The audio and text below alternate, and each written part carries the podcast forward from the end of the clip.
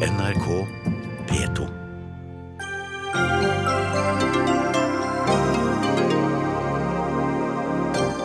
Frp-politiker stemte mot eget parti i Stortinget. Nå vil partiet ta fra henne internasjonale verv. SVs Bård Vegar Solhjell kaller det norsk politikk på sitt verste. Regjeringa vil ha omsorgsattest fra alle par som søker assistert befruktning. En ekstra belastning for dem som allerede er i en vanskelig prosess, sier Foreningen Ønskebarn. Og for første gang har en kvinne latt seg ordinere som katolsk prest i Norge. Problemet er at den katolske kirken ikke anerkjenner kvinnelige prester. Biskop Bernt Eidsvig møter en kvinnelig prest i Den norske kirke til debatt.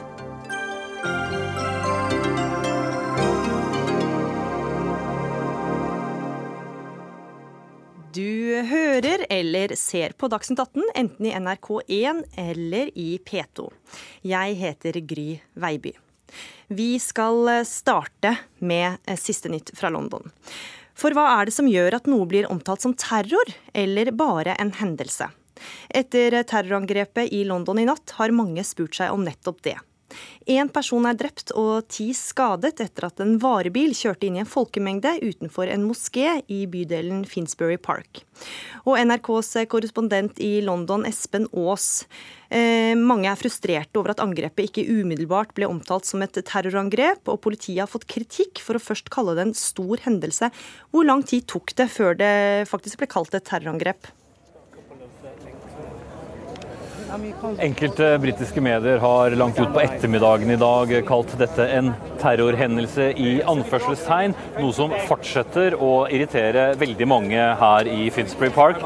Jeg kom hit uh, tidlig i morges i halv seks-tiden.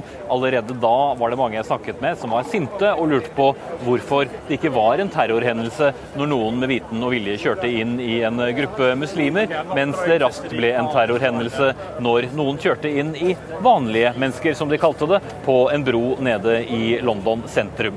Eh, både jeg og mange andre fikk eh, ganske høylytte og sinte spørsmål mot oss, samtidig som også mange var eh, villige til å snakke og fortelle hva de hadde opplevd gjennom natten. Men akkurat dette var noe som var en spire til mye irritasjon, og som fortsatt også gjør at medlemmer fra lokalbefolkningen her kommer bort til oss journalister og er sinte. Hva vet vi om eh, gjerningspersonen? Jeg har snakket med flere som eh, var her da eh, dette skjedde. og De forteller altså om en, en hvit van som kom kjørende ned hovedveien, tok en krapp venstresving og kjørte da inn i mengden med muslimer som hadde kommet ut av midnattsbønn i moskeen. De var allerede samlet fordi en mann i rullestol hadde fått et illebefinnende, og det var den gruppen som han kjørte inn i.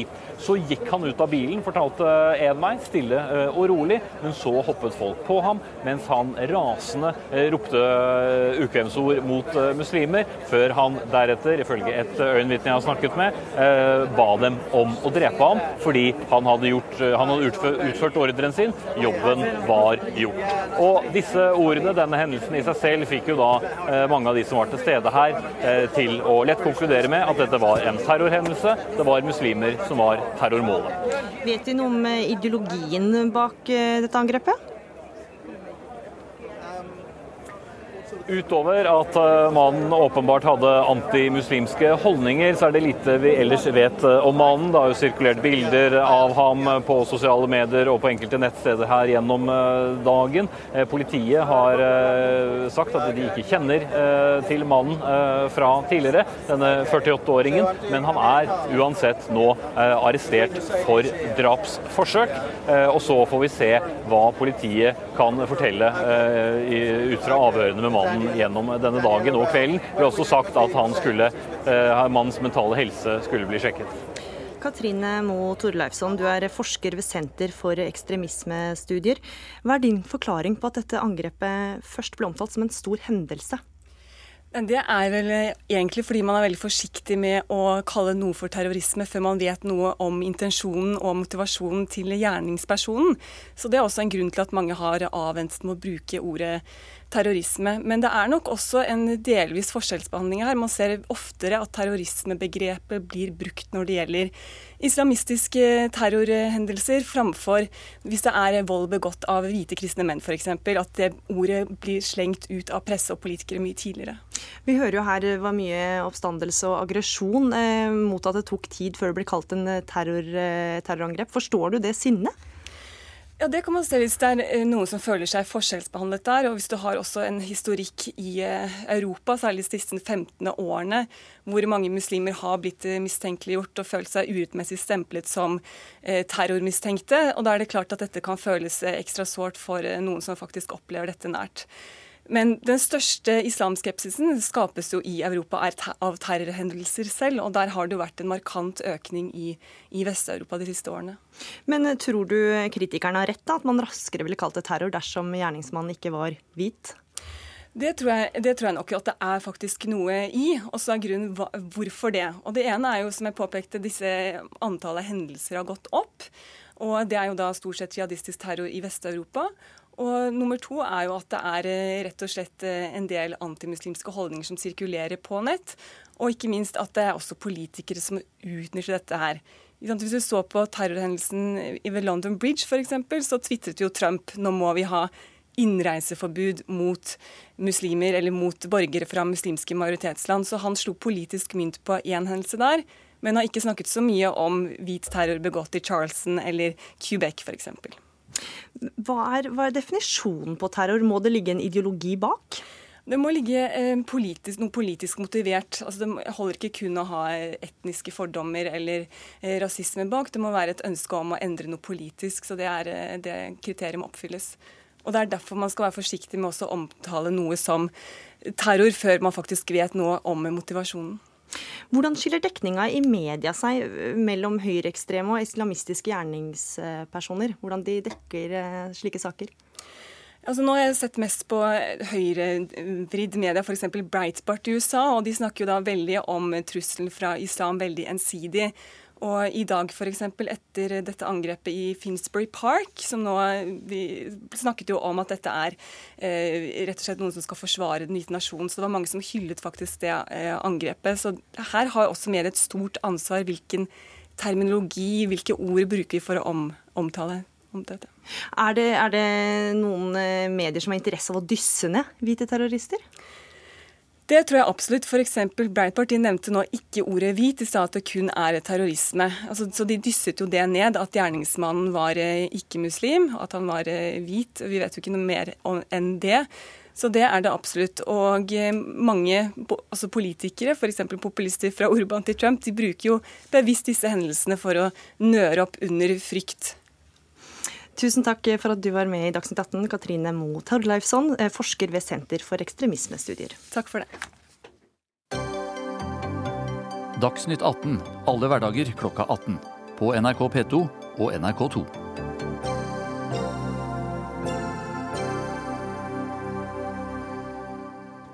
Det er ikke dagligdags at en SV-politiker forsvarer en Frp-er, men det skjedde nå. Bård Vegar Solhjell mener Frp behandler sin egen stortingsrepresentant eh, Ingebjørg Godskesen smålig. Godskesen stemte imot sin egen partigruppe da Stortinget vedtok kommunereformen, og nå kommer det både Godskesen og Solhjell mener er straffereaksjoner. Vi skal snart eh, til deg, Solhjell, men først til deg, eh, Godskesen. Du er stortingsrepresentant for Frp. Du sier til VG at du er utsatt for en hevnaksjon. Hvordan da? Jo, jeg føler det at eh, når straffen blir så stor som den blir nå, så kan det ikke være annet enn hevn. Hadde det ikke vært en hevn, så hadde straffen stått etter forholdene etter det jeg har gjort. Hva slags straffereaksjoner er det du venter deg? Dere skal vel stemme over dette vi skal stemme over det senere, men jeg hadde jo kanskje forventa at de ville tatt fram med de vervene som vi har i stortingsgruppen, som varer til landsstyret, varer til gruppestyret og ting som det. Jeg hadde ikke venta med at de skulle ta internasjonale verv hvor jeg ikke representerer Fremskrittspartiet, men jeg representerer Norge og Stortinget. Men eh, du er på vei ut av Stortinget etter en ganske opprivende nominasjonsprosess i Aust-Agder. Har ikke du et ansvar overfor partiet nå for å sørge for ro og orden? Nå har ikke den striden som har vært noen ting med nominasjonskampen å gjøre. Den striden som har vært, har vært pga. Fylkessammenslåinga, og at Aust-Agder Frp alltid har vært imot at vi skal slå sammen Aust- og Vest-Agder alene. Så striden bunner i det, og ikke nominasjonen. Men, men, du er allerede på vei ut av Stortinget. Hvorfor skal partiet satse på deg da? Satser på meg. De, det har jo ikke noe med det å gjøre dette. Dette er jo en, den siste delen av min, av min, eh, periode i Europarådet, hvor jeg har ganske mange personlige verv som Norge vil miste hvis de kaster meg ut i dag. Nå ser det jo ut som at de må trekke den når det gjelder Europarådet, men det er ennå Nordisk råd som står igjen. Fordi Stortinget skal altså stemme over din rolle i Nordisk råd i kveld. Hva, hva venter du deg der, da? Nei, Der er jeg veldig usikker på hvordan det vil gå, men jeg er ikke interessert i frivillig å gi fram et sånt internasjonalt verv. Men det kan da ikke komme overraskende på deg at det får konsekvenser eh, å stemme på tvers av dine partikolleger, sånn som du gjorde i avstemningen om kommunereformen? Nei, det er derfor jeg sier at jeg hadde forventa meg at det kanskje hadde blitt straffa med at mine Frp-verv hadde blitt tatt fra meg. Mm. Ingen i FrPs stortingsgruppe ville stille til Dagsnytt 18 om dette, men parlamentariker Harald Tom Nesvik har sagt i VG at dette ikke dreier seg om straff, men om tillit. At de ikke har tillit til deg. Hva tenker du om det? Jeg forstår ikke det. for det at jeg har Helt siden jeg kom inn på Stortinget og vi har vært snakk om kommune- eller fylkessammenslåinger, så har jeg sagt at jeg vil følge de folkeavstemningene som kommer. Og Når det gjelder Aust- og Vest-Agder, så har det vært folkeavstemning, og den var klart imot. Det har også vært opinionsundersøkelser som har vært klart imot. Så jeg følger altså det jeg har gått til valg på, og det jeg har lovt Aust-Agders befolkning. Det jeg mener det har vært mest riktig å gjøre. Og for at min rygg skulle være rett når jeg fortsetter, så er det viktig for meg å gjøre det. Men du stemmer jo ikke på vegne av partiet ditt, da. Du stemmer jo på vegne av hjertet ditt? Jeg stemmer på vegne av de valgløftene jeg har gitt. Bård Vegar Solhjell, stortingsrepresentant fra SV. Du er også med fra stortingsstudio. Det er ikke så ofte du er så hjertens enig med Frp, men her er du det. Hva er det du reagerer på? Jeg er jo egentlig ikke hjertens enig, jeg har bare forsvart en person mot ja, smålighet og urimelig behandling. Ja, Hva er det du reagerer på, da? Altså, Jeg har lagt merke til Godskesen sitt engasjement for Tyrkia gode innlegg fra talerstolen, og jeg vet at hun har gjort et viktig arbeid i Europarådet. Eh, men eh, det er likevel sånn at eh, internt i et parti så kan Fremskrittspartiet, hvis de ønsker å behandle henne dårlig, så kan ikke, har ikke jeg noe med det. Men det som derimot ikke er greit, det er hvis de benytter seg av viktige internasjonale verv, der jo man representerer Norge og Stortinget, til sine interne straffereaksjoner eller sanksjoner. Eh, og Det var det Fremskrittspartiet her gjorde, og det mener jeg ikke er akseptabelt. og Det var derfor det var viktig synes jeg, at Stortinget avviser det. Men det er jo ikke så rart at det kommer reaksjoner. da. Hun stemte jo mot eget parti og egen regjering. Altså, Personlig så syns jeg eh, det er en smålig behandling at man skal hevne seg i ettertid. Jeg vet hvor viktig det er å overtale folk til å stemme riktig og legge press på dem. Kanskje kan man til og med miste karrieremuligheter.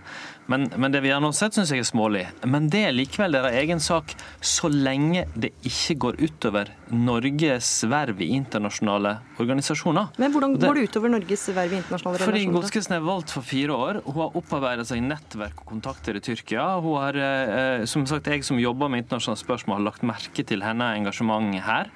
Og Hvis det, vi utvikler en praksis der man bruker verv av den typen som straffesanksjoner internt i et parti, da tar man eh, viktige forhold som handler om Norges forhold til f.eks. et land som Tyrkia, og bruker det et internt spill. Det er ikke akseptabelt, og nå skjønner jeg òg at Fremskrittspartiet trekker eh, den saken når det gjelder Europarådet. Men Fremskrittspartiet sier at det handler om tillit, at de ikke har tillit til henne. Hvorfor skal hun da sitte i et, eh, ha et slikt verv? Fordi Norge som skal ha tillit til Ingebjørg Godskesen. Hun er en del av Stortingets delegasjon, valgt for en fireårsperiode sammen med andre. Og Fremskrittspartiet eh, mista tillit pga. en eh, intern stemmegivning om noe helt annet, så er jo det åpenbart for alle at det dreier seg om en straffesanksjon.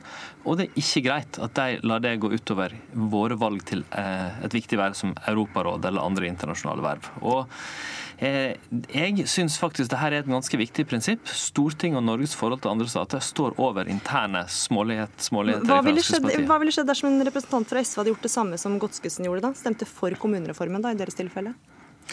La oss si at jeg var parlamentarisk leder, som jeg jo har vært. Så ville jeg sterkt prøvd å overtale dem til å støtte det store flertallet på forhånd. Eh, kanskje ville jeg til og med lagt litt eh, press på det.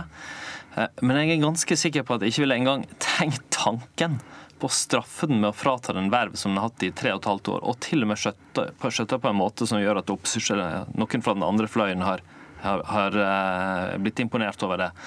Men uh, det er nå en ting. Kanskje hadde noen andre fra SV gjort noe annet. Men jeg håper virkelig at andre på Stortinget hadde vært prinsipielle nok til å se hvis noen gikk over den grensa og prøver å bruke stortingsverv eller internasjonale verv som del i en intern straffereaksjon. Godskesen, dette er jo en ganske tydelig reaksjon fra partiet, vil vi anta at de gjør som de har sagt. Er det ikke en helt ærlig sak, og fint at de gjør det i det åpne, da, enn at det skjer i lukkede fora? Jo, de gjør det jo rimelig åpent, vil jeg si. Eh, men eh, at de gjør det så drastisk Som sagt så ønsker jeg jo at de hadde gjort det i forhold til den, eh, den forseelsen som de mener jeg har gjort. Jeg mener, ja, hva skulle de gjort da? Der, de skulle, der kunne de som straffereaksjon tatt fram de vervene jeg har, f.eks. som varer til landsmøte, landsstyret, mener jeg, og varer til gruppestyre og de tingene som jeg har inne her i Frp.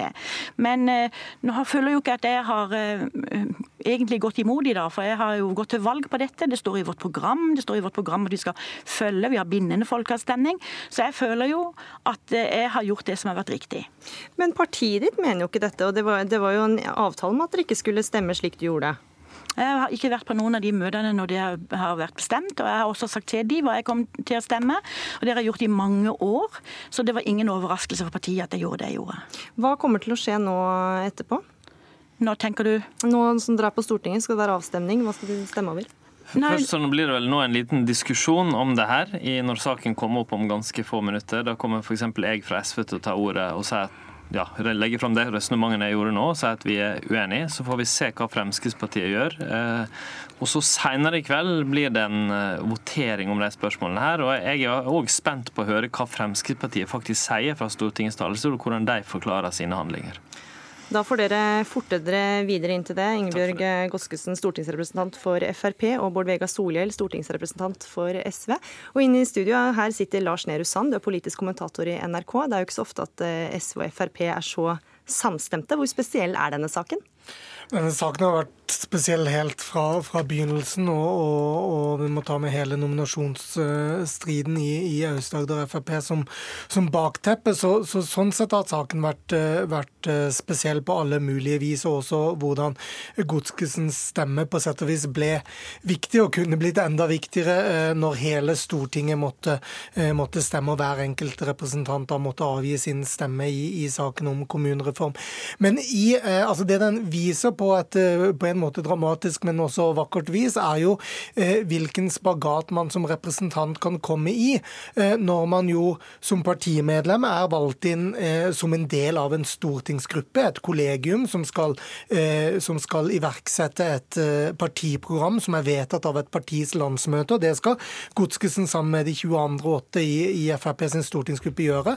Men så henger det veldig høyt i norsk parlamentarisk historie at man er valgt inn eh, fra fylket sitt, og, og da har Godskesen en, en, lojalitet som i denne eh, saken her da ikke samsvarer med de eh, tre andre på Aust-Agder-benken. Og, og, det er jo eh, sånn i, i, Stortinget at man ikke engang sitter i stortingssalen ved siden av sine partifeller, men sitter der på fylkesbenkene, nettopp fordi geografien har mye å si med hvordan man blir valgt inn eh, til Stortinget å gjøre. Og, og i mange lokaliseringssaker, uh, at sykehussaken på, på Nordvestlandet f.eks., så er det klart at eh, partihatten og, og, eh, og lokaliseringshatten ikke nødvendigvis trenger å, å ha, eh, indikere en samsvarende stemmegivning.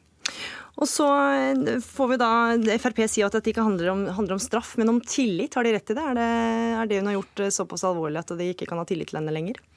Det, er i hvert fall, eh, det oppfattes som et tillitsbrudd i Frp fordi man mener at Godskesen ikke har forankra verken sitt behov for å stemme avvikende fra gruppa, eh, eller sagt ifra om at hun skal gjøre det på, på en eh, måte som gruppen mener er tilfredsstillende. Og sånn som jeg forstår det, så vil stortingsgruppen også i, i sentralstyret i Frp i morgen fremlegge en, en, en disiplinærsak mot, mot Godskesen, som ikke da handler om denne internasjonale representasjonen, men som, som da handler handler om uh, hvorvidt Godskesen skal suspenderes, ekskluderes eller få en advarsel uh, fordi hun ikke har fulgt opp gruppas vedtak om å, uh, om å stemme samlet i denne saken her.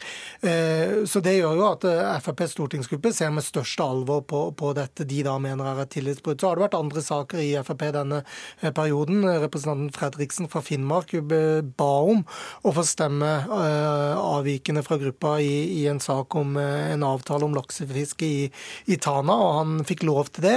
Forankra det på forhånd og gjorde det. Så det som Solhjell for så vidt etterlyser, at man i kanskje større grad må, må se se til at, eh, at partipisken ikke må brukes i, i utide. Da. Eh, det finnes også i Frp et eksempel på at, at man ikke har gjort eh, og latt medlemmer, medlemmer av gruppa som, som, har sterke geografiske ja, bindinger til, til, lokalbefolkningen og ønsker å følge det, har gjort det. Mm. Politisk kommentator her i NRK, Lars Nehru Sand, takk for at du var med i Dagsnytt 18.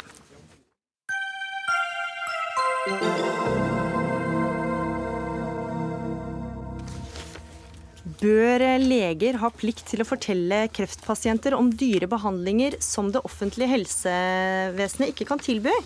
I dag er det ingen slike retningslinjer om opplysningsplikt.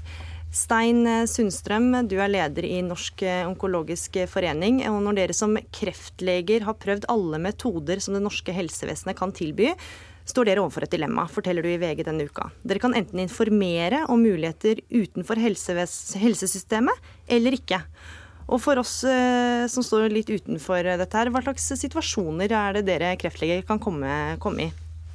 Eh, først vil jeg si at eh, det er veldig spennende tider i moderne kreftbehandling nå, for det kommer mye nye stoffer som virkelig gir et løft for pasientgrupper som tidligere man hadde dårlig behandling for. Og så er det slik at disse nye medikamentene blir godkjent først i USA og så i Europa. Og så går det et Eh, automatisk en måned før det blir godkjent for såkalt markedstilgang i Norge. Og så har vi i Norge etablert siden 2013-2014 et system med vurdering av kostnadsnivå og kostnadseffektivitet på disse nye medisinene. Og Den prosessen tar tid. Det er kortere tid nå enn tidligere, men det tar tid. Og Den prosessen eh, er en ventetid som pasientene har problemer med å akseptere fordi at de er alvorlig syke og kan i verste fall få progresjon og dø av sin sykdom i ja, denne behandlingstiden. Hva slags situasjoner setter det, det dere i? Nei, Det setter oss i den situasjonen at dette, disse stoffene kan man kjøpe på apoteket i Norge, men vi får ikke lov til å gi det på sykehus. Og Da er situasjonen det at eh, hvis vi som leger vet at her har vi et nytt medikament som faktisk gir et utsikter til en veldig god effekt, at vi ikke kan gi det. Og Da er problemet at eh, skal vi informere om dette, eller skal vi la være å informere det? Fordi at eh, disse medikamentene og disse indikasjonene kan man i tilfelle få kjøpt seg behandling på på private institutter i Norge, Aleris i Oslo bl.a. Så det kan koste mye penger? Det kan koste mm. opptil mange hundre tusen kroner. Mm. Og dere da etterlyser da klare regler for hva dere kan opplyse om. Eh, hvorfor det? Nei, Vi har tidligere spurt Legeforeningen i eh, september 2015 om dette, om vi har plikt eh, til å informere om slike, at slike medikamenter er tilgjengelige, eller om vi skal la være å informere om det. Og Det finnes rettsavgjørelser i Australia, New Zealand og også faktisk i Danmark på at leger har plikt til å informere om den beste behandlingen som er tilgjengelig, selv om vi ikke kan gi det i offentlige sykehus. Og Dette har jeg da brakt inn eh, i, også i ulike debatter i Norge, uten at jeg har fått noe klart eh, signal om hvordan man skal forholde seg eh, i Norge på dette. Men de fleste leger opplever dette som et dilemma. Mm. For Du, du beskriver også et slags eh, bekymring for et slags A- og B-lag i helsevesenet, der det er penga som rår. Hvordan eh det Hva blir, mener du med det? Det blir jo det, fordi at de pasienter som da mm, leter på nett og får, fatt, får vite om dette selv, de, de, bringer det på bane, og så kan de få kjøpt seg slik behandling privat. Og da blir det et eh, A-lag for de som har eh, økonomi og penger, og et B-lag for de som ikke har det. Og så er det dilemmaet vårt, skal vi informere til en pasient som åpenbart kanskje ikke har økonomi til å kjøpe seg en behandling for mange hundre tusen kroner, eller skal vi la det være? Mm. Sveinung Stensland, du er, eh, sitter i helse- og sosialkomiteen for Høyre. Her hører du da altså øverste leder for eh, Norske kreftleger etterlyse klarere eh, avklaring om hva lege kan si og ikke si. Hva mener du? Jeg mener absolutt at uh, legen bør informere pasienter om mulige valg, men jeg skjønner at i tilfellet, dette tilfellet så er det en utfordring. Bør de, eller må de? Ja, Det er det som uh, vi må diskutere, om vi skal gi det som et pålegg. Det tror jeg blir å gå ganske langt. Men vi kan ta det andre veien. Men er det ikke dårlig gjort å da sette legene i at de må ta denne avgjørelsen, framfor at dere kan si nei, dere må si det? La, la, meg først si hva som skjer hvis de ikke sier det. Mm. Så, så, blir jo pasienten henvist til seg sjøl og henvist til internett. Og vi vet jo alle at det kan være variabel kan være variabel kvalitet på det du finner der. Så jeg vil jo oppfordre legene til å ta disse kjønnsmessige vurderingene og gi, gi sine beste råd. Eh, så er ikke jeg klar her og nå for å si at dette må de bare gjøre. Men, jeg, Men, det er jo det de gjør i dag. De, de, de gjør det, det beste de kan. Ja, dette fungerer. Og dette er en diskusjon som nå er reist uh, igjen, som mm. jeg tror ikke vi blir ferdige med. Og så har jo samtidig helseministeren eh, varsla en rekke nye tiltak for nettopp å forbedre situasjonen i disse tilfellene her. Blant annet så har, har det blitt tatt initiativ for å se på en sånn type second opinion-løsning som de har i Danmark, nettopp for å hjelpe pasienter som nå står uten et offentlig behandlingstilbud, og se om det kanskje en har oversett noe, om det kan finnes metoder vi kan ta i bruk. I det offentlige? I det offentlige. Mm. Så det, det, er jeg mest opptatt av. å finne, Nå var, var, var, onkologen her inne på at det går raskere, og det gjør det. Og finne gode løsninger og bedre systemer som ivaretar godt, en god helsetjeneste for alle. Innenfor det offentlige fortsatt. Innenfor det offentlige fortsatt. Mm. Torgeir Micaelsen, du er helsepolitisk talsperson for Arbeiderpartiet. Bør leger eh, la være å opplyse om mulighetene som finnes utenfor det offentlige helsevesenet? Jeg har i, i, dag, hvis jeg måtte svare nå, og det må jeg vel da, siden du spør på den måten, uh, syns ikke det er noe godt svar at vi skal lage en slags uh, instruks, en matematisk uh, modell der man plikter til å uansett kontekst, uansett hvordan denne pasienten har det og hva, slags, hva som feiler den, at man har plikt til å opplyse om at det kan finnes medikamenter man ikke vet vil ha effekt, men som er veldig dyre, og du må betale dem privat. Da overlater dere jo dilemmaet til legene. Det er, det er, riktig, men eh, det er en gang slik at det å være lege, det har jeg all mulig respekt for. Bl.a. fordi de står i veldig mange av disse vanskelige avveiningene om å gjøre en vurdering i samarbeid med pasienten om hva det er riktig nå å avslutte, gå videre med, informere om. Men det jeg er opptatt av er at de bør ha politikere i ryggen når de gjør disse vanskelige avveiningene. Derfor har ikke jeg løpt alle TV-kameraer denne stortingsperioden. Hver gang det kommer enkeltsaker om ja, ulike pasienter som av ulike grunner ikke får eh, den medisinen de synes de skulle hatt. I motsetning får jeg si, til da, forrige runde, eh, hvor da bl.a. Sveinung Stenslands kollega, nåværende helseminister, var svært aktiv med å falle legen i ryggen, egentlig. Men det som er det aller viktigste, det er at denne utviklingen vi nå ser, som er forsmaken på en todeling av helsetjenesten i Norge, der jeg misliker intenst at vi skal få et system der de som har penger, eller er forsikret mot å kunne få da annen behandling enn du kan i det offentlige, det er helt ødeleggende. Og Derfor er det vel og bra de forslagene som nå har kommet på bordet om en eh, etablering av en såkalt eh, altså, sistehåndsvurdering, eller second opinion-ordning. Men jeg mener i tillegg at vi må se på systemet for godkjenning, iverktredelse og forhandling med disse legemiddelselskapene en gang til. Det kan ikke være slik at når både legemiddelindustrien og myndighetene og alle de politiske partiene mener at det er mulig å gjøre mer, og så skjer det ikke noe særlig mer. Det er rett og slett ikke bra. Og Dette er forsmaken som sagt, på det vi har sett i en lang rekke andre land, som jeg ikke er fornøyd med. Og Du vil heller ikke da si om du vil stå ved legene at de bør få et påbud om hva de skal si eller ikke? Altså jeg mener at Dersom det kommer pasienter og spør, så mm. bør legen ha plikt til å selvfølgelig informere om ulike valg. Jeg mener også det må, er i enkelte situasjoner riktig å informere om at dersom legen er hellig overbevist om at her er det så veldig bra ting rett rundt hjørnet, at på en edruelig, nøktern måte også kan opplyse om det. Men jeg syns ikke noe om at vi skal ha en situasjon der vi har ett helsetilbud i det offentlige, et annet på Aleris og private klinikker, og at offentlig ansatte leger, som burde ha alle verktøykasser, eh, eh, verktøy i verktøykassa si, egentlig skal få plikt til å si at nei, det har jeg dessverre ikke, men du kan kjøpe de privat på naboklinikken. Sånn vil ikke jeg ha det. Stein Sundstrøm, hva syns du om svarene du får av politikerne her? Ja, Det virker litt avklarende, syns jeg. Men det som er situasjonen, er jo at vi er for så vidt ikke advokater for eh, nye medikamenter som har marginal eller liten effekt. Det vi ser, er at vi har medikamenter som virkelig har en betydelig effekt. For noen så kan det være snakk om kanskje flere års ekstra levetid. Og Det er viktig, og da er det jo såpass eh, god eh, effekt at det er vanskelig å kanskje ikke opplyse om dette. Men vi gjør det jo slik, alle kreftleger, at hvis pasienten spør, så vil nok alle fortelle om dette her. Men det er de som ikke spør. Det er det som er problemet. Skal vi opplyse om det, eller skal vi la det være? Eh, men, eh, og dette er et dilemma vi har hver dag. Så det er interessant, det siste, utgaven av Dagens Medisin den slår jo fast at eh, Norge ligger ikke så langt bak som det kan høres ut. Vi ligger faktisk for, foran Sverige når det gjelder innfasing av nye legemidler. Så det skapes et inntrykk Men det tar lang tid da, før tar, nye legemidler kommer på markedet? Det tar lang tid, men det, er, det, kan høres ut som du kan finne en mekanisk løsning på at sånn skal det være for hver enkelt pasient. Man må huske at hver enkelt pasient har sin livssituasjon. Det er ingen politiker som kan sette seg inn i den direkte. Dette er faktisk, som Michaelsen er inne på, noe vi skal ha stor respekt for, nettopp den skjønnsutøvelsen som legen må gjøre. Og så er det også sånn at det blir tatt i bruk stadig nye av disse spesielt immunterapilegemidler. Eh, og det er stor forskjell på de forskjellige firmaene hvor bra dette virker. Mm. Så Vi skal ikke sitte her og skyte på hverandre, men det er jo påfallende å se at enkelte legemiddelfirmaer får disse søknadene ganske fort gjennom, mens andre tar det lengre og lengre tid. Og Der er det òg et spill. Så, så, midt oppi dette så er det, det pasienten og den fortvilte situasjonen pasienten er oppi, som vi må tenke på. Og da er det ofte det jeg hører i pasientmøter og, og møter med pårørende at de, de, føler de får ikke all hjelp de kan få. Og de føler seg ikke hørt kanskje på sitt sykehus. De føler ikke at deres lege har tatt dem langt nok. Og Da kan det kanskje være greit å få en sånn ordning som second opinion, som, som Steinar Omdal bl.a. en annen onkolog har tatt ordet for. nemlig At at en annen lege kommer inn og ser på din har, sak? Ja, mm. det er et dansk system som mange i Norge har til. Men det hjelper jo ikke hvis man ikke får legemidlene, da, som eh, jo, fortsatt ikke er godkjent i Norge? Jo, da er det en annen ting. Det er at Kliniske studier er ofte den raskeste veien for nye legemidler. og Det er jo legemidler som ikke ennå er godkjent.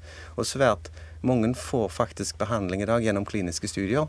Det er veldig bra. En får mye bedre oppfølging underveis, og det er nybrottsarbeid. Så det er jo noe som vi har intensivert. Blant annet så har vi lagt egne nettsider der pasienter og leger kan kunne se hvilke studier pågår.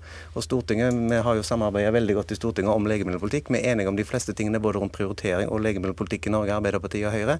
Og en av de tingene som ligger inne i, inn i legemiddelmeldingen, er at hvis du passe inn i en klinisk studie, og det er plass Du sier at du får lov til å være med i en studie med et legemiddel som er ja. på vei til markedet? Det er, det, er, dette er jeg veldig enig i. Altså, alle disse tingene er vi enige om. Mm. Men uh, problemet oppstår da uh, legemiddelet er godkjent i Europa, f.eks. Da er det ikke mulig å se for seg at man åpner nye kliniske studier. Uh, da er man i en situasjon hvor man har fått godkjenning til iverksettelse i Europa. Men det kan fortsatt ta lang tid før det kommer det, det er godkjent i Norge. Det er nettopp det som er mm. poenget. og Da kan man ikke ha noen generelle fraser om hva vi nå generelt skal prøve å satse på i framtida. Nå er vi i en situasjon hvor vi har et system. Det har vi fått latt få lov til å virke en stund nå. Det har fungert til de, til ganske bra. Vi må huske at eh, i løpet av de siste årene har kanskje norske myndigheter klart å presse internasjonale legemiddelgiganter for flere hundre millioner kroner. Penger som går til å kjøpe andre kreftlegemidler og til andre pasienter. Men det går for streikt for de pasientene som ikke har tid til å vente. Og det er da jeg sier jeg er villig til å snu alle stener en gang til. Og jeg vil personlig invitere alle kloke hoder, både i industrien, eh, i politikken, i, eh, i, samfunnet for øvrig, til å komme med forslag som kan løse dette nærmest uløselige dilemmaet. Vi skal holde legemiddelindustrien i, i, i trøya, men vi vil ha disse medisinene raskere fram til pasientene. Må vi... Da må vi ha flere ja. forslagstjenesteland, ja. Eh, og det er jeg villig til å samarbeide med dere om. Sundstrøm, du får da altså ingen retningslinjer om opplysningsplikt som dette lystet? Eh, nei, det er vel egentlig ikke overraskende, eh, syns jeg. Dette er jo etisk vanskelig, men det er jo slik at hvis man har en pasient som man tror kanskje kunne hatt god effekt av et medikament, som ikke åpenbart har økonomi til å uh, få kjøpe det privat, så personlig vil ikke jeg informere om det. Sånn er situasjonen. Men det vi i og Da får vi et A- og B-lag i? Det, det får vi. Men det vi i Norsk onkologisk forening har på et vis tatt til orde for de siste par år, er at vi burde vurdere en eller annen sånn midlertidig finansiering i påvente av prosessen i Beslutningsforum. Det så man slipper å vente på at ny medisin blir eh, godkjent? Ja, ta det i bruk med en lavere kostnad til industrien. og Dette, har, dette blir på et vis avvist av myndighetene, fordi man hevder at da blir konkurransesituasjonen for å få rabatter betydelig redusert. Jeg er ikke sikker på at det vil bli sånn. Så en midlertidig finansiering på medisiner som åpenbart har en god effekt og en god indikasjon, det er det vi ønsker. Da fikk du siste oppfordring og siste ord. Stein Sundstrøm, du er leder i Norsk onkologisk forening. Takk for at du var med. Takk også til deg, Torgeir Micaelsen, helsepolitisk talsperson i Arbeiderpartiet, og til deg, Sveinung Stensland, i helse- og sosialkomiteen for eh, Høyre.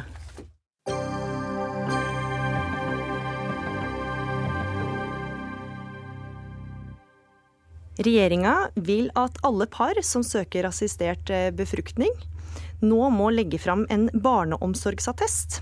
Det, det, fikk de vite før helga, da helse- og omsorgsminister Bernt Høie fra Høyre la frem stortingsmeldinga 'Evaluering av bioteknologiloven'. Regjeringa vil også at behandlende lege skal få innsyn, innsyn i relevant taushetsbelagt informasjon fra f.eks. barnevernet eller Nav. Lise Boek Jacobsen, du er leder i foreningen Ønskebarn. Du reagerer ganske kraftig på dette forslaget, kunne vi lese på TV 2 sine nettsider. Hvorfor det? Fordi dette her er jo en utfordrende situasjon når du møter ufrivillig barnløshet. Det du tror skal gå ganske lett, det å få ønskebarnet ditt, det viser seg å være vanskelig. Så når du da skal søke om assistert befruktning og søke om hjelp til dette, så skal du samtidig, i den sårbare situasjonen man da er, måtte legge fram en attest på at man er eh, egnet som, eh, som foreldre. Og det er klart at vi er jo også opptatt av barns beste. Ja, for det er jo for å styrke barnets rettigheter. Absolutt. Men det som det er bedt om fra fagmiljøene, er jo om strengere reguleringer, eller ikke reguleringer, med retningslinjer for de få tilfellene i året hvor de vurderer at det, de kanskje ikke bør gi anledning til å få behandling for de som søker det. Så i stedet for at alle måtte levere en Istedenfor I stedet for at få ja. må levere, så snur de bevisbyrden og så sier at alle må levere. Og det er det vi synes er galt. Det er det som blir den ekstra belastningen. De kommenterer selv at det kan virke stigmatiserende, og det tror jeg er helt riktig. Det kan virke stigmatiserende, og det er en ekstra byrde. Og vi tenker lag heller et system for de tilfellene tilfellene hvor man er i tvil, men ikke legg det på som en plikt for alle. Tone Trøen, du er medlem i helse- og omsorgskomiteen eh, fra Høyre. Hvorfor skal par som ønsker assistert befruktning legge fram attest på hvor egnet de er? Det er, eh, det er, lett å forstå at det kan virke urimelig eh, for par som er i en sånn prosess, at man skal nærmest måtte avkrefte en mistanke. Men så er det sånn at når samfunnet legger til rette for eh, assistert befruktning, så har vi også et særskilt ansvar for barns eh, beste. Eh, og ved å si at eh, vi innfører denne barneomsorgsattesten, så kan vi utelukke at par som har vært, eh, eller som er, dømt for grove forbrytelser, sånn som seksuelle overgrep mot barn, Eh, at de ikke får anledning til assistert befruktning. Så i dette tilfellet så handler det rett og slett om å sikre oss eh, at dette er til barnets beste, eh, og at vi ivaretar barns interesser fullt ut. Ja, er det ikke helt ærlig og redelig da, når staten hjelper til med at du skal få barn, at de også stiller, stiller krav? Jo, og det gjøres allerede i dag. Det gjøres allerede samtaler med de parene som søker om assistert befruktning. De skal både gjennom samtaler for å se om de har rett til en medisinsk behandling, eh, og i hvilken grad de er egnet. Mm. Så jeg tenker at eh, igjen, jeg synes for de få tilfellene det vil være snakk om, som eh, Tone Trøen viser til her, det er så få at de vil man kunne antagelig fange opp på annen måte enn å gjøre dette til en universell plikt, for å si det sånn, for den gruppen som trenger denne behandlingen. For det er jo noe med at om du da har et medisinsk behov for en behandling, så, så, betyr jo ikke det at det påvirker din egnethet som foreldre. Og Hva slags eh, barneomsorgsattest er det man må vise? Ja, altså Den barneomsorgsattesten den er, eh, den er, ikke som en uttømmende politiattest. Og det er veldig stor forskjell. Altså De som, de som i dag vil adoptere, de har kan man si strengere krav. Altså de må levere en uttømmende eh, politiattest eh, som eh, redegjør for alle eh, forhold. Eh, og de må også levere ligningsattest og slike ting. Hvorfor skal ikke denne være like streng, da? For de som eh, adopter, vil adoptere? Den, den, er strengere. De som vil adoptere. Den er strengere enn den dere ja, vil ha nå. Hvorfor skal ikke den her være like streng som Nei, for de som adopterer? det man har etablert her, er jo at man vil uh, Her skal på en måte disse parene som går gjennom og vil ha assistert befruktning, de skal ikke bevise sin egnethet. Uh, men her vil man avdekke de som er uegnet. Og det er jo sånn i dag at dagens system ikke fanger opp dette godt nok. Og nå nevnte programlederen det innledningsvis også, at det legges jo opp til at den legen som er den som henviser henviser til assistert befruktning, nå vil få mulighet til eh, informasjon som er taushetsbelagt. Altså informasjon fra Nav, informasjon fra barnevernet. Det er også en viktig endring i den bioteknologimeldingen som kom nå på fredag, og forslag fra regjeringen. Nettopp fordi at vi er opptatt av å fange opp de få tilfellene. Og kan vi unngå de få tilfellene, eh, så er det eh, godt, mener vi. Eh, fordi det, vi utsetter jo barn for å kunne bli født inn i, i eh, og, og av par som faktisk er dømt for grove forbrytelser. Jeg tror likevel at de tilfellene er veldig få. Og det som også er i forhold til å være være å innhente andre opplysninger. Det vil jo kunne bety at man f.eks. kontakter psykolog. Det vil man få anledning til. Og dette er jo også par som opplever, som er nærmest kan være litt i sjokk over den, det de løpet de skal igjennom. Og kanskje har de da behov for psykolog. Og det verste som ville vært tilfellet, var jo hvis noen da finner ut at det tør de faktisk ikke gjennomføre mm. fordi de vil komme på denne, denne listen da, eller på denne, denne testen. Om ikke på testen, så i hvert fall igjennom en samtale som man kan innhente. Så jeg tenker at det, det er om å gjøre å gjøre dette her så enkelt som mulig mulig, men med et godt system, så man fanger opp de få tilfellene. Det er vi selvfølgelig opptatt av, men vi syns fremdeles ikke det skal gjelde for hele gruppen. Trøen, da, da vil det jo gå litt imot sin eh, visjon, da, hvis man unngår å oppsøke hjelp fordi at man er redd for at det skal stå på egnethetskortet sitt, holdt jeg på å si? Ja, og det, eh, det, håper jeg for det første er å trekke det altfor langt. Eh, og for det andre så er det jo ikke snakk om noen, noen egnethetskort.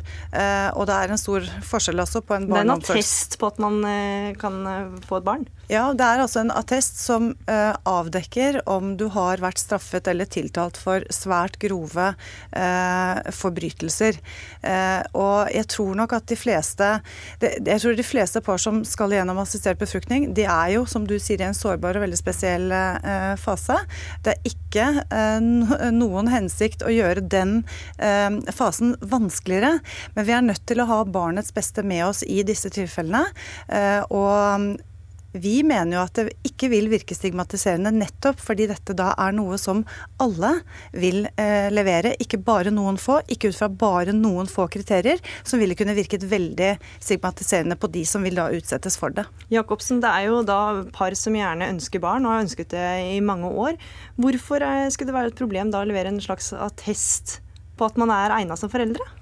Jeg tror de fleste ville tenke at de gjør eh, nær sagt det som skal til, men det oppleves jo stigmatiserende for det. Altså, du er jo på den ene siden villig til å gjøre det, men du syns jo likevel det er krevende at du fordi du av medisinske årsaker ikke kan få barn på naturlig måte, må ha litt bistand. Så betyr faktisk også det at du skal levere eh, både en attest og at du blir satt i en situasjon med enda sterkere vurderinger kun fordi du da ikke kan få barn på naturlig måte. Og det er den koblingen der jeg tenker som er, som er litt spesiell, og som de fleste vil føle stigmatiserende. Men adoptivforeldre må jo levere enda mer omfattende dokumentasjon? Det er riktig, og det har jo nok også sammenheng med at da adopterer man barn fra et annet land, så da er det dette landet som også setter krav til Men hvorfor skal det være annerledes for uh, Fordi det er to forskjellige ting. Man adopterer et barn fra et annet land, hvor landet setter krav til de foreldrene som skal ta imot barnet som kommer fra et land, være seg ja, Kina eller hvor det måtte være.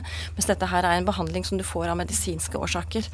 Så det er det som utgjør forskjellen. Og vi vet jo allerede på en del av de som er gjennom adopsjonsprosesser i dag, det er veldig krevende.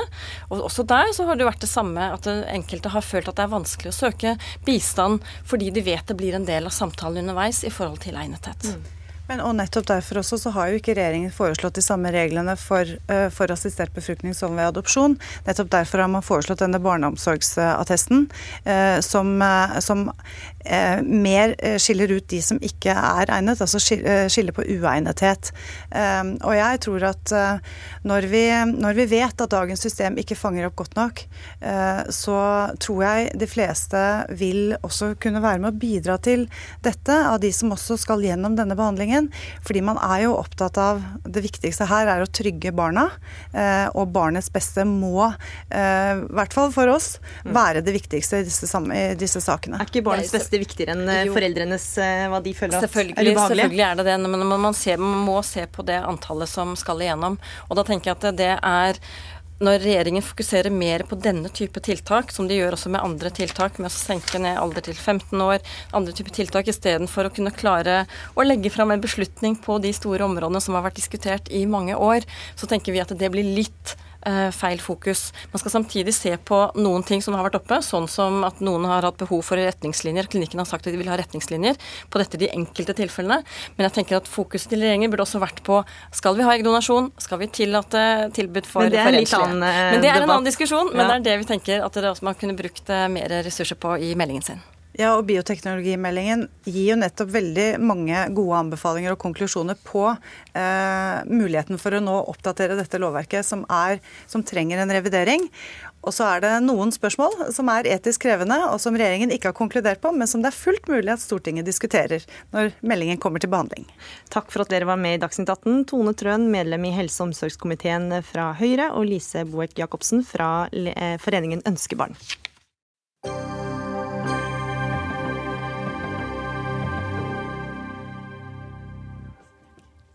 Norge har eh, fått sin første kvinnelige katolske prest, Kristine Hassenstab. Eller det vil si, Den katolske kirken anerkjenner ikke kvinnelige prester, og hun vil ikke lenger få delta i eh, de katolske sakramentene som nattverden, ifølge den katolske kirken. Det var undergrunnsorganisasjonen Roman Catholic Women Priests som sto for ordinasjonen i metodistkirken i Trondheim. Og Gyri Gunnes, du er prest i Den norske kirken og doktorgradsstipendiat i teologi. Og du var med på å lede denne ordinasjonen. Hva slags organisasjon er dere? Um, altså, Jeg representerer ikke Roman Catholic Women Priests, men jeg er en støttespiller fordi jeg kjemper hardt uh, sammen med dem for at det skal finnes kvinnelige ledere i alle kirkesamfunn. Um, men du det, er i Den norske kirke? Ja, Hvorfor lurer norske... det som skjer i Den katolske kirke? Uh, det er pga. at det finnes et økumenisk søsterfellesskap der vi støtter hverandre på tvers av kirke, kirkegrensene. Det å ha kvinnelige prester og kvinnelige, altså det, det, å ha kvinner i lederposisjoner er utrolig viktig i religiøse Både fordi at det er det, det, realiserer kvinners gudbilledlighet fullt ut. Det viser at det er full likestilling i et samfunn, men først og fremst fordi jeg tror at det er eh, altså Det gjør at teologien i et kirkesamfunn blir bedre. altså Det er sunnere å ha begge kjønn representert. Jeg tror at uh, Den katolske kirke kunne nok ikke hatt de standpunktene de har når det gjelder prevensjon og abort, hvis man hadde hatt kvinner i lederposisjoner. Så det er rett og slett bedre for, for, uh, for alle parter. Bernt Eidsvig, du er biskop i Oslo katolske eh, bispedømme, og sa at eh, Hassenstad med dette bryter med kirken og ikke får ta del i sakramentene. Hvordan er dette et brudd med den katolske kirken? Altså Hun lar seg jo ordinere på um, egen avgjørelse det tror jeg ikke det vil skje i Den norske kirke heller. At en person kan si at nå vil jeg bli ordinert av en biskop fra et annet land, og insistere fortsatt på at jeg skal være eh, prest i Den norske kirke. Det, det, det lar seg ikke gjøre. Hvorfor kan ikke kvinner bli prester i Den katolske kirke, da? Det er eh, et stort spørsmål. Men verken skrift eller tradisjon eh, tilsier det. Og I Den norske kirke er det jo ikke så veldig mange år siden de fikk sin første kvinnelige prest heller. Og i Norsk kirke er ikke prestegjerningen sakramental. Men hva er begrunnelsen for at eh, kvinner ikke kan være prester i den katolske kirken? Fordi det aldri har vært det. Og det er begrunnelsen? Det er, den er nok litt mer utførlig enn det, men Jesus valgte bare menn til disipler. Eh, det er en snart 2000-årig tradisjon for mannlige prester bare, mens kvinner har hatt andre oppgaver. Også i ledelse av kirken, f.eks. de kvinnelige ordenssamfunnene, som har en stor innflytelse. Nå vet vi at kvinner hadde leder, teologiske lederposisjoner i, de første, i, den første menigheten. Eh, sånn at det er lange altså Hvis vi går til, til, tilbake til utkirken, så hadde kvinner lederposisjoner. Og det å bruke tradisjon som norm, det syns jeg er et veldig problematisk argument. Å gjøre tra, tradisjonen eh, gyldig som norm. Fordi altså, Vesten har en lang tradisjon for slaveri, eh, rasisme, og vi mener ikke at det skal være norm av den grunn i dag. Eh, og det at Jesus valgte bare menn eh, Ut fra den tiden så var det kanskje bare det som var mulig, men, men i dag lever vi i et annet samfunn, så hvorfor skal det være, være gyldig i dag? Dag? Det, det, tenker jeg er noen sånn grunnleggende spørsmål. Og, og, og, det spørsmålet går videre til deg, Eidsvig. Hvorfor skal det være gyldig i dag, det som skjedde for 2000 år siden? Altså, man må argumentere for en forandring, ikke nødvendigvis for status quo. Um, ja, Hva mener du de burde gjort istedenfor da? Hvem? Eh, denne organisasjonen, eh, presten som vil bli altså, ordinert? Jeg vil jo, hvis, hvis, dette er viktig for henne, foreslå at hun gikk inn i en kirke som ordinerte kvinner. Så ikke være med i den katolske kirken, da? Nei, men hun kan ikke være begge deler. Altså Hun kan ikke både fjerne seg fra Den katolske kirke så demonstrativt som hun gjør, og, og samtidig være der den gammelkatolske kirke f.eks. ordinere kvinner. Der ville hun sikkert hatt en plass. Men det handler vel altså jeg tenker at den, The Roman Catholic Women Priest er jo en organisasjon som definerer seg selv innenfor den katolske kirke, men de aksepterer ikke at den offisielle kirka skal ha eh, enerett på et så viktig spørsmål som, som, som, kvinnelig lederskap. Og de ønsker derfor å ha disse ordinasjonene for å skape presedens og si at jo, det er faktisk mulig. De lever etter det eh, Gandhi-sitatet 'Be the change you want to see in the world'. Det synes jeg er et utrolig flott sitat. Man kan ikke bare sitte og diskutere og vente på at endringen skal skje, men man, får, man må faktisk gjøre det selv. Og gjennom det vise at jo, kvinner kan bli ordinert etter den katolske riten. Og det som skjer, er at eh, etter at man er blitt ordinert, er at man da lager en, en, en, et fellesskap, en menighet, en huskirke rundt seg selv. Eh, organisasjonen finnes i Australia, i, Euro, altså i Sentral-Europa, Canada, USA, eh, Filippinene, Sør-Afrika, der man da har eh, etter hvert ganske store fellesskap fellesskap, hundrevis av mennesker som samles rundt disse kvinnene som er ordinert. Eh, og det viser at jo, det går faktisk an å skape katolske menigheter rundt kvinnelig ordinerte prester. Jeg tviler på det. Jeg tror heller ikke det kommer en stor tilstrømning av katolikker til uh, denne uh, ordinanden i, i, Trondheim. Eh, altså, du kan ikke benekte at det faktisk empirisk skjer at i andre land at, at de skaper menigheter rundt seg selv. Eh, Chris eh, har i mange år og vil fortsette å ha en, en huskirke rundt seg selv, der hun, der hun feirer gudstjeneste, feirer nattvær for katolikker som ønsker en endring innenfor sitt eget, sitt eget trossamfunn. For du, du, er da med og veileder Christine Hassenstab, som du nevner her nå. Hvorfor, hvorfor, er det så viktig da å være medlem i en klubb som du hører at de vil jo ikke ha henne som prest? Ja, Chris ble spurt det, det, det spørsmålet eh, av en journalist eh, rett før ordinasjonen. Og det hun sa, var det at Den katolske kirke har en lang og sterk tradisjon for et sosialetisk engasjement. Hun trakk frem en, en nonne som hadde, ble drept i Latin-Amerika fordi at hun hadde hatt et sterkt engasjement for urfolks rettigheter. Det finnes masse andre eksempler i Den katolske kirke på sterke eh, kvinner og menn som har kjempet for, for, for, for andres rettigheter. Så det å ønske å være en del av det fellesskapet man er født inn i, man er vokst opp i, det forstår jeg veldig godt. Eh, og, det å, og, det å, på en måte ikke akseptere hvem som skal ha definisjonsretten, er veldig viktig. Og Roman Catholic Women Priests er skamløse katolske kvinner. Ja, Du sammenligner det med ja, skamløse absolutt. arabiske jeg tenker, kvinner. Jeg tenker at det er den mest eh, altså, det, det, er absolutt en, en, en, en god parallell. På samme måte som de tar skambegrepet tilbake og nekter å akseptere hva som påfører dem skam eller ikke, så, så, så, så gjør Roman Catholic Women Priests noe av det samme ved å si at vi, vi aksepterer ikke at den offisielle kirka som har det synet den har, skal, skal bare være forvalter av ordinasjonsriten. Vi, vi, vi, vil også gjøre det. Og vi lever i 2017, er det ikke på tide å gi kvinnene plass? også som prester? Kvinnene har alltid hatt en plass i kirken. Men i som, som, du refererer til. Ja, kvinnene har alltid vært i det kirkelige lederskap i, gjennom ordenssamfunnene. Ja, men, men ikke som prest? Nei, men det har det jo ikke vært i Den lutherske kirke heller, før ganske nylig. På, på hvilken måte har de plass i dag, da? Eh, først og fremst gjennom ordenssamfunnet, men også i lærerstilling. Det finnes kvinnelige teologiprofessorer. Vi har utnevnt kvinnelige kirkelærere, altså som jo er den høyeste status man kan gi en person i teologiske saker. Eh, ordinasjonen er helt annen, en helt annen sak fordi det er et sakrament. Det, det er helt riktig som, eh, som, han sier, at det, er, det har vært sterke og flotte kvinnelige katolske feministteologer eh, opp gjennom årene, som, som har betydd mye for lutherske feministteologer også, sånn som meg, som vi har lest på, på pensum og, og, og, og virkelig ja, blitt veldig glad i. Eh, men det er noe med at det er kjempeviktig å ha kvinner i, i de representative stillingene i, det, i, i, litt, altså, i ledelsen av liturgien. Mm. Altså, altså, nettopp som prest, som biskop og også som pave. Jeg gleder meg veldig til den dagen vi får den første kvinnelige katolske paven. Ser du poenget med at det er viktig å ha kvinner i disse rollene? Jeg ser at Poenget er at man har kvinner i lederstillinger, ja. Svært viktig. Men de må ikke være prester. De kan hos oss ikke være prester. Fordi at, Hva er begrunnelsen på det? Det er, ikke, det er ikke mulig. For det har aldri vært det. Det er, det er, ingenting i skrift og tradisjon som skulle tilsi at det ble det. Det er heller ingen konsensus om en slik forandring. Og Det vil jo også bety et dypt brudd med den ortodokse kirke, som er svært viktig for oss. Men det er jo tydeligvis ønsket da, at det skal bli det fra, fra noen. Er det ikke da på tide? Jo da, men da, hvis dette er det, det, det, avgjørende spørsmål for dem, så finnes det mange kirker som har kvinnelige prester. De kan gå dit, men de gjør ikke det. De velger allikevel å bli hos oss. Jeg, jeg tenker at Den katolske kirke må tenke nøye gjennom alle de kvinnene som blir fremmedgjort fra, fra Eh, fra Den katolske kirke pga. det synet man har på, på, på, på, kvinners prestetjeneste. Og alle de flotte kvinnelige katolske prestene som dere går glipp av. Mm. Det, det, det syns jeg er veldig synd. Dere eh, kan jo gå glipp av en del eh, flotte kvinnelige prester, da? Da, vi, da gjør vi spørsmålet veldig subjektivt. Mm. Altså, dette er et teologisk spørsmål, ikke et sosiologisk eller et psykologisk spørsmål. Altså, Man må ta teologien i men, dette. Men, men, men, men altså, ja, Det grunnleggende spørsmålet er hvorfor kan ikke Gud kalle kvinner til å bli prester? Det, det, det kan jeg ikke forstå, altså.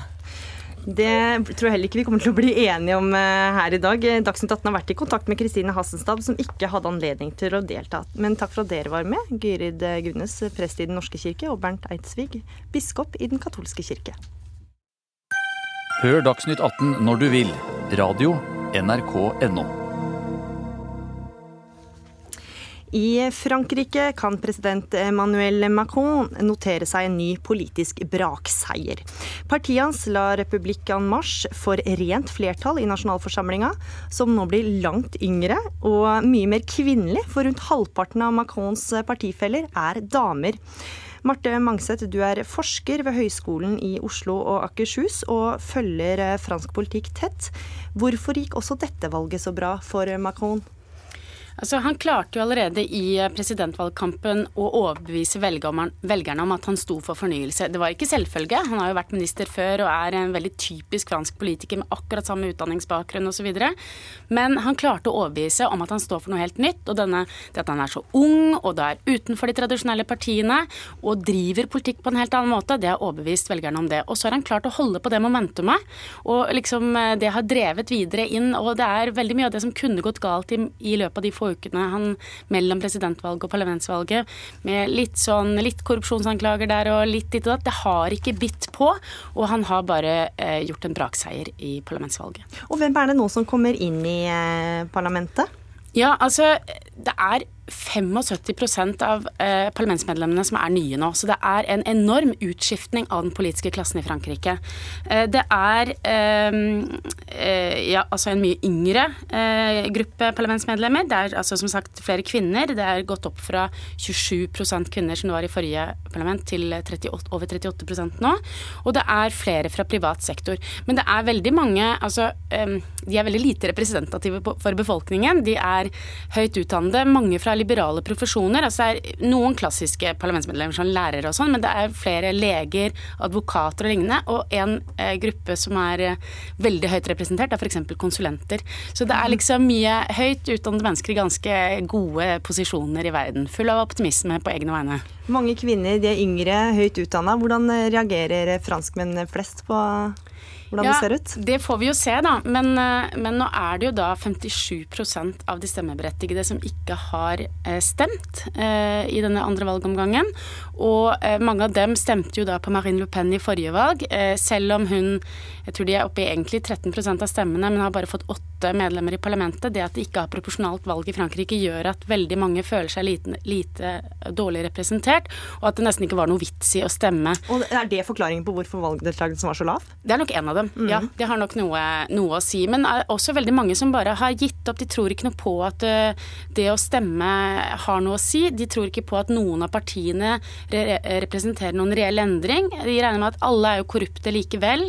Så de bare har gitt opp. Og da blir det interessant hvordan skal opposisjon komme til uttrykk i denne eh, nye politiske situasjonen med en sånn massiv seier til eh, denne politiske bevegelsen og et flertallsstyre. Mm. Og valgoppslutningen var altså lav, men, eh, men svekker det Macrons legitimitet? Det gjør jo det. Altså, det er eh, tross alt en ganske liten andel av de stemmeberettigede som har eh, stemt på han, og han har fått eh, altså, absolutt flertall. Eh, og de, blant de som ikke har stemt, er det nettopp mye fra eh, lavere eh, inntektsgrupper, folk med lav utdanning, folk fra bygdene. Det er også en by- og land-dimensjon her. Så det er nok veldig mange som ikke kjenner seg igjen i eh, det parlamentet og, og den eh, regjeringen eh, som kommer ut av det. Så Én ting er at han har liksom nå fått det styringsgrunnlaget han ønsket seg, men klarer han å skape noen ny tillit i befolkningen? Det er liksom hele det franske politiske systemet avhengig av. Fordi at de kan jo ikke leve med så lav valgdeltakelse i lengden. Men det er jo mange som har sagt at han kanskje blir litt vel mektig? Ja, det er eh, verdt å spørre seg eh, hva, hva, hva, slags uttrykk opposisjonen kan få. Fordi at eh, de har jo et valgsystem som i utgangspunktet er tenkt som et sånt eh, i en situasjon hvor du har en høyre-venstre-akse, hvor du da liksom enten har massiv seier til høyresida eller til venstresida. I det øyeblikket det partiet som får en sånn winner takes it all-situasjon, ligger midt på, så blir da disse små eh, motstandsgruppene spredt på det politiske spekteret. Det er både på ytre høyre og ytre venstre side. så det kan bli vanskelig for dem å samle seg om en reell opposisjon. Han har allerede markert seg som en varm EU-tilhenger. Hva vil det si for Europa? Altså, han har jo lykkes veldig i å gi, liksom, gi en eller annen sånn ny giv, et nytt håp. Én ting er at han har så stor oppslutning som han har hjemme, men, men han Altså i det politiske landskapet som er nå, med liksom Trump, som lite, man, mange har lite tiltro til osv., så, så så har han klart å markere seg som en sterk leder. Og der fikk det siste ord Marte Mangseth, forsker ved Høgskolen i Oslo og Akershus. Dagsnytt 18 er over for denne gang. Ansvarlig for sendinga, det var Dag Dørum. Det tekniske ansvaret hadde Lisbeth Sellereite, og her i studio var Gry Veiby.